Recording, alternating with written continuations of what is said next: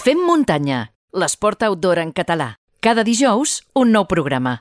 Al Fem Muntanya ens fa molta il·lusió saludar a un dels eh, col·laboradors com és l'Albert Jorquera. Albert, hola, què tal?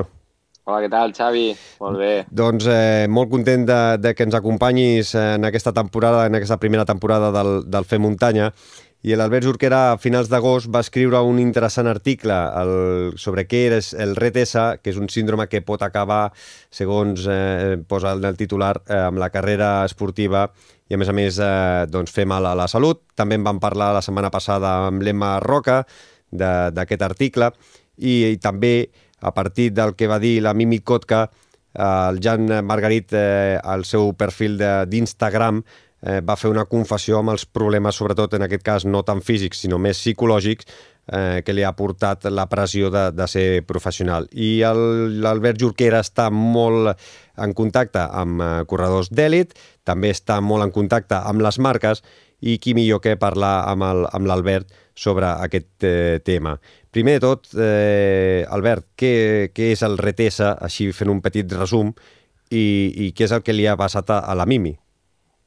Sí, doncs eh, és, és molt interessant el, el post d'aquesta corredora de l'equip Salomon Internacional, perquè, com tu bé dius, quan estàs a prop dels atletes d'elit, sobretot els que fan ultradistàncies, és a dir, els que fan curses molt llargues de 100-170, veus que molts passen per problemes, no? I fins i tot detectes que a vegades hi ha corredors que estan dos o tres, dos o tres anys al, al punt més alt, però aleshores desapareixen de cop. No és que tinguin un any o dos uh, dolents, sinó que desapareixen. Aleshores, um, és una cosa que tu vas veient d'una manera una mica oculta perquè no es parla gaire en aquest món, um, però de sobte la Mimi va fer un post que una mica explicava el que li havia passat a ella i que veus que li està passant a molts corredors, no? I al final el RETES és, és la denominació d'un síndrome que ha explicat d'una manera uh, simplificant-ho molt, però és uh, els corredors d'elit que, sobretot noies també, que estan intentant uh, baixar pes i aleshores és tan senzill com al final acaben ingerint moltes menys calories de les que estan cremant amb els seus entrenaments tan exigents de llarga distància. Amb la qual cosa, el cos, durant un temps, al final de l'acrònim de RTS és Energy Deficiency, eh, la E és d'energia i és, et falta energia. És a dir, el cos durant un temps ho suporta, però al cap d'un temps comença a, entre cometes, canibalitzar-se ell mateix. El, el cos comença a menjar-se muscle orgànicament, sistèmicament, també comença a fallar. Eh, és a dir, va més enllà d'un tema físic o d'una lesió muscular, sinó que és una lesió orgànica, no? que és el que et va estar explicant una mica la, la Emma Roca. Uh, aleshores, és molt perillós perquè aquí la lesió, com et deia, ja no és un, uh, un os trencat, ja no és un múscul que s'ha de, de soldar perquè se'n trenca el desfibre, sinó que és, és una baixada tan forta i tan bèstia de tot l'organisme que moltes vegades aquests corredors eh, no poden tornar mai al nivell que estaven. Mm -hmm. I això eh, és un problema que, que suposo que, que si no es controla molt bé amb, amb les càrregues d'entrenament, amb les càrregues eh, de, o, o la tria de, de, de curses d'ultradistància. L'Emma Roca ens va dir la setmana passada que dos, tres ultras a, a l'any eh, seria el màxim que el cos humà té o que podria fer per tenir el temps de, suficient per eh, doncs, tornar a recuperar-se. També diu que després de cada cursa el, el cos passa una batalla i que s'ha de recuperar no només a nivell doncs, físic, sinó també, com has dit tu, eh, a nivell doncs, eh, d'immunitat, eh, a nivell de, de, de, de nutrients, que moltes vegades eh, no es té en compte. Eh, clar, Eh, després de que veus que el teu cos no rendeix quan has estat a, a la cúspide, eh, després moltes vegades també ve un problema potser més eh, eh, emocional o psicològic veient que no pots eh, estar i la pressió que et fiques perquè les marques doncs, eh, clar, eh, volen resultats i tu veus que el teu cos no rendeix ni als entrenaments ni a, ni a les curses, no? Sí, um, això és curiós, eh? perquè jo crec jo que també he estat molt dintre d'aquest món crec que a vegades no és tant les marques que exigeixen directament als corredors, com pot passar amb altres esports, sinó que és el mateix autocorredor, el mateix corredor que s'autoexigeix molt a nivell de, de resultats. A vegades és més aquesta pressió i, i aquí és on, on hi ha el gran perill, no? perquè per una banda, eh, òbviament, és un esport que requereix un gran esforç físic i a vegades una gran dosi de patiment, que tu veus que en certa manera li estàs fent eh, mal al teu cos, però a la vegada t'estàs autoexigint tant que continues entrenant, no afluixes, no adaptes la càrrega de curses eh, correcta. I jo crec que, que també aquest esport, sempre ho he dit, és un esport molt jove. Falten, falten estudis. Hi ha el de l'Emma Roca, que és superinteressant, però és un dels únics que hi ha. I jo crec que al principi, sobretot a la primera meitat de la dècada de, dels anys 10, eh, el corredor David va córrer moltes curses era habitual veure gent fer eh, ultras de 170 quilòmetres, fer-ne 4, 5, 6 a l'any, a part amb ultras de 100, i jo crec que això s'està veient a tots els nivells, tant elit com amateur, que això és, és inviable. Eh, coneixes molts més casos eh, similars als de la Mimicot que, eh, que han estat eh, al top eh, 3 de, o el top 5 de, de les corredores o corredors d'èlit i que doncs, han hagut de retirar-se a nivell professional? Sí, mira, de fet, jo vaig estar, quan feia l'article, perquè era el que et deia, no era una sensació que jo tenia, i vaig mirar només el top 10 de, de l'Ultratet del Montblanc del 2015, és a dir, estem tirant només 5 anys enrere, uh -huh. i hi ha 5 corredors que ja no, no és que corrin i no treguin bons resultats, sinó és que no corren directament.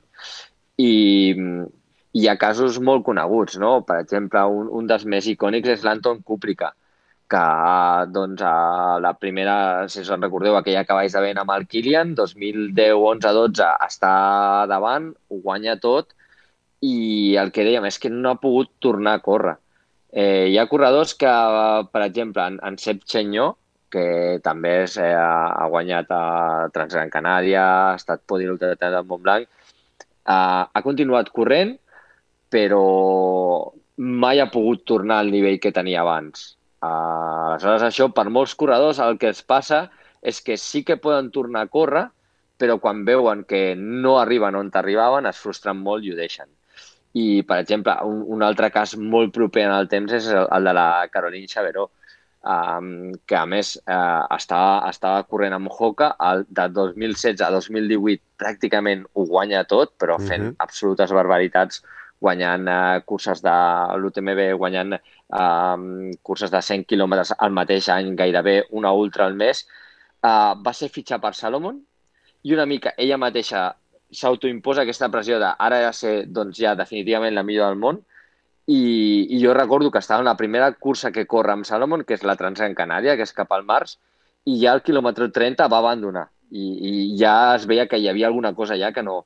I, de fet, eh, va arribar a anunciar... Va, va anar provant, no podia córrer, eh, es retirava cada cop, i va arribar a anunciar que es retirava.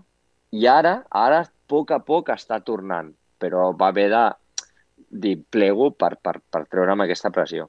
Mm -hmm eh, en els eh, corredors eh, d'èlit, eh, clar, o sigui, eh, creus que a vegades mm, són ells els que amb el canvi de marca doncs eh, volen demostrar molt més el que valen, perquè suposo que quan fan un canvi de marca en, en moltes ocasions és eh, pujant una miqueta més el, el seu caché gràcies als seus eh, resultats anteriors, eh, creuen que han de córrer més carreres, han de fer millors resultats, han de fer entren, entrenaments eh, més exigents i, eh, i això és el que els acaba perjudicant eh, i, i acaba empatant, no?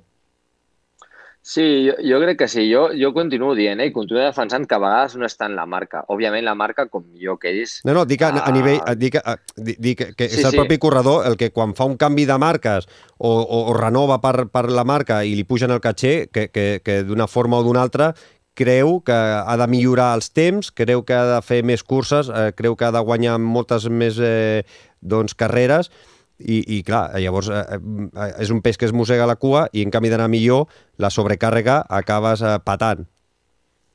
Sí, jo crec que en general el corredor de muntanya i sobretot el d'ultra és, és molt autoexigent. Um, sense la pressió imposada de fora. jo he vist corredors que estan uh, lesionats o que estan malament i ells mateixos he d'anar a entrenar, que, que a més és curiós, perquè en altres esports a vegades el que costa és al revés, no? que el, el futbolista o el que sigui entreni. I aquí a vegades és els metges, a vegades fins i tot els team managers. Els han de frenar, perquè a vegades eh, tenen un calendari que és una bogeria, o, o estan corrent i estan lesionats, o, o a vegades a mi fins i tot m'ha passat en plan d'amic dir, ei, vigila perquè això no va bé. Aleshores, jo crec que el corredor en si mateix és molt, molt, molt autoexigent i aquest és un esport molt exigent. Aleshores, um, també és veritat que aquest síndrome ara li, li han ficat un nom, però és molt difícil detectar-lo perquè al final uh, els símptomes que tu tens són molt diferents, però tots van a parar aquí. Eh, tant pot ser com una, una anèmia, a les noies pot ser la retirada del període menstrual, pot ser problemes alimentaris, eh, a vegades és baixar de defenses i al final no ho acabes de detectar, però tot ve a parar a, a que tu al cos no l'estàs deixant recuperar. I al final és el que deia la, la Emma, que, que després d'una ultra ja no és el tema muscular. Normalment els corredors, tant els amateurs, ens fixem només en el mal que ens fa les cames. Però com explicava molt bé l'Emma, el problema és, és orgànic, és el, el mal que li has fet al teu, als teus ronyons, al teu, al teu fetge, al teu cor. I això, um, tot i que tu les agulletes t'han marxat, el cor, el, el cos està patint encara. I quan, quan li fiquem una ultra darrere una altra, darrere una altra, darrere una altra, no li donem temps a, a recuperar-se. Tu creus que ha canviat una miqueta, potser en els darrers, no sé, dir-te, dos anys, eh, que els calendaris de, dels corredors de, professionals eh, s'han vist, eh, doncs, bueno, me, menys, menys carreres eh, llargues, algunes més curtes, és a dir, s'ha equilibrat una miqueta més. Tu creus, tens aquesta sensació o, o, o, o tu creus que tu que segueixes eh, doncs, eh, per tot el món eh, curses de les més importants, continues veient autèntiques borrades? Uh, hi, hi ha les dues vessants. Jo crec que, per exemple, el corredor que porta més temps, uh, diguéssim, uh, Luis Alberto Hernando, François Daen, fins i tot el mateix Kilian, uh, el que estan fent és tendir a reduir les curses. Uh, el mateix Ultra Trail World Tour, que, com saps, és el circuit de llarga mhm. -huh. distància, abans et demanava que uh, per puntuar puntuessis amb tres curses a l'any. I és el que dèiem, era quasi impossible. Quasi ningú acabava tres ultras de més de 100 a l'any perquè només que te'n falles una ja estàs, ja estàs fotut. Ara ja en demana dos. Uh, aleshores, jo crec que en general, amb, amb, amb la foto molt, molt, molt general, sí que els calendaris s'estan racionalitzant. Eh, però també és veritat que hi ha molta corredor jove que, òbviament, doncs, té més energia, té més ganes i potser no ha passat pels problemes que ha passat altres corredors que encara a vegades continuen fent bastantes borrades o, o un calendari que frega una mica la, la línia vermella. Però jo crec que en general, fins i tot a nivell amateur, la gent s'està adonant que, que s'ha de reduir i que, per exemple, tu només pots fer una cursa de 170 a l'any si la fas, o una de 100, però no pots estar fent dos, tres, quatre, cinc curses de 100 quilòmetres a l'any. Mm -hmm. I en el cas de, dels amateurs, Creus que eh, eh, el, el problema és pitjor perquè estan pitjors assessorats, estan sense... Clar, no tenen entrenadors, potser, molts d'ells no tenen entrenadors, no tenen eh, un equip darrere. Creus que eh, el, el problema que els afecti eh, el RTS o altres eh, lesions eh, creus que és més greu? Sí, uh, de fet, ara que comentaves això, un dels problemes, entre cometes, que té el nostre esport és que fins i tot molts atletes d'elit no tenen ben bé un, un entrenador o, no tenen, o tenen controls mèdics però se'n fan un a l'any uh, si se'l fan. Molts, cada vegada més tenen nutricionista, però fins ara no en tenien. Eh, ja, això ja parlem de l'elit. Aleshores, clar, quan tires cap a baix encara és molt pitjor. Eh, perquè al final és el que estem dient. Eh, estem fent un esport d'alta intensitat eh, i moltes vegades uh, jo crec que no tenim els mínims. Fins i tot els que som conscients, eh, al final te n'adones que no estàs controlat constantment. El que ja és una bestiesa és posar-se a fer tot això doncs sense, fer, sense haver fet proves d'esforç, sense haver visitat un podòleg, sense haver fet els deures previs, no? que és una mica també el, el que ens parlava l'Emma. I una mica sobre el que tu em preguntaves, jo encara puc entendre una mica els elit perquè tenen aquesta pressió, entre cometes, que tu dius, dels patrocinadors o que tenen més visibilitat. Però amb un amateur, eh, entrar en això encara és més absurd, perquè al final nosaltres no hem de, no hem de respondre davant de ningú, responem davant de nosaltres mateixes, mateixos. Aleshores, autopressionar-nos en això ho trobo bastant absurd. Potser, no sé, és una, una, una sensació que alguns d'aquests amateurs, potser amateurs més joves, eh, esperen algun dia poder ser professionals. Sí, però a veure, això mm. realment arribaran molt, molt pocs, pocs. Molt pocs. I jo crec que al principi no has de començar mai a pensar en això Um, jo el que crec que sí que s'està donant la gent, i la Emma és un gran exemple d'això, o el mateix Kilian o el François o el Toful, que si volem córrer molts anys, el que no podem fer és cremar-ho tot en un any o dos. Aleshores, hem de racionalitzar.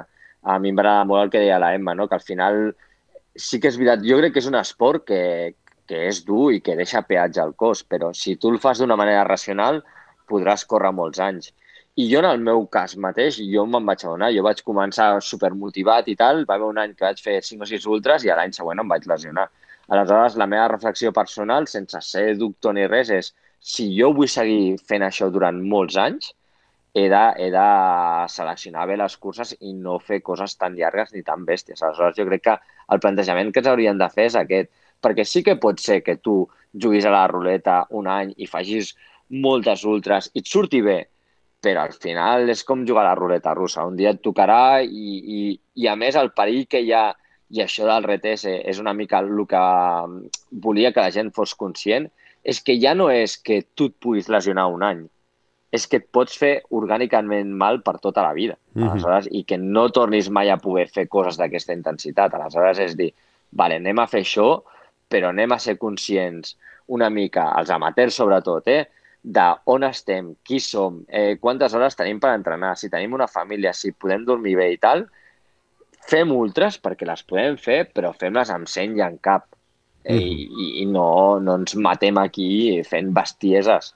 Totalment d'acord, Albert. Doncs eh, si voleu llegir els seus articles, teniu la web de Runedia, ja ell dos eh, cops a la setmana escriu articles molt i molt interessants, com per exemple aquest del RTS, també doncs, eh, una entrevista amb l'Emma Roca i cada setmana doncs, eh, veureu dos eh, articles de l'Albert. També el podeu seguir a les xarxes socials, molt actiu i sempre estareu informats d'últimes eh, novetats. Albert, moltíssimes gràcies. Ens escoltem d'aquí poques setmanes.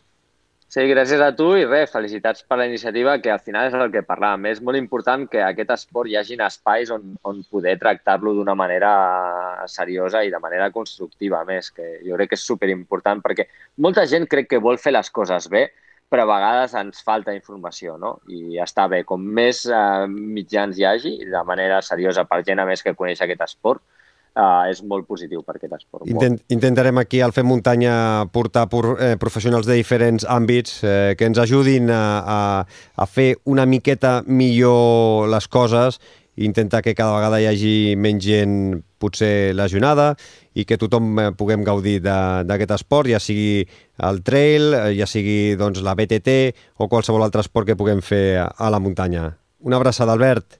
Una altra. Visita la nostra web femmuntanya.cat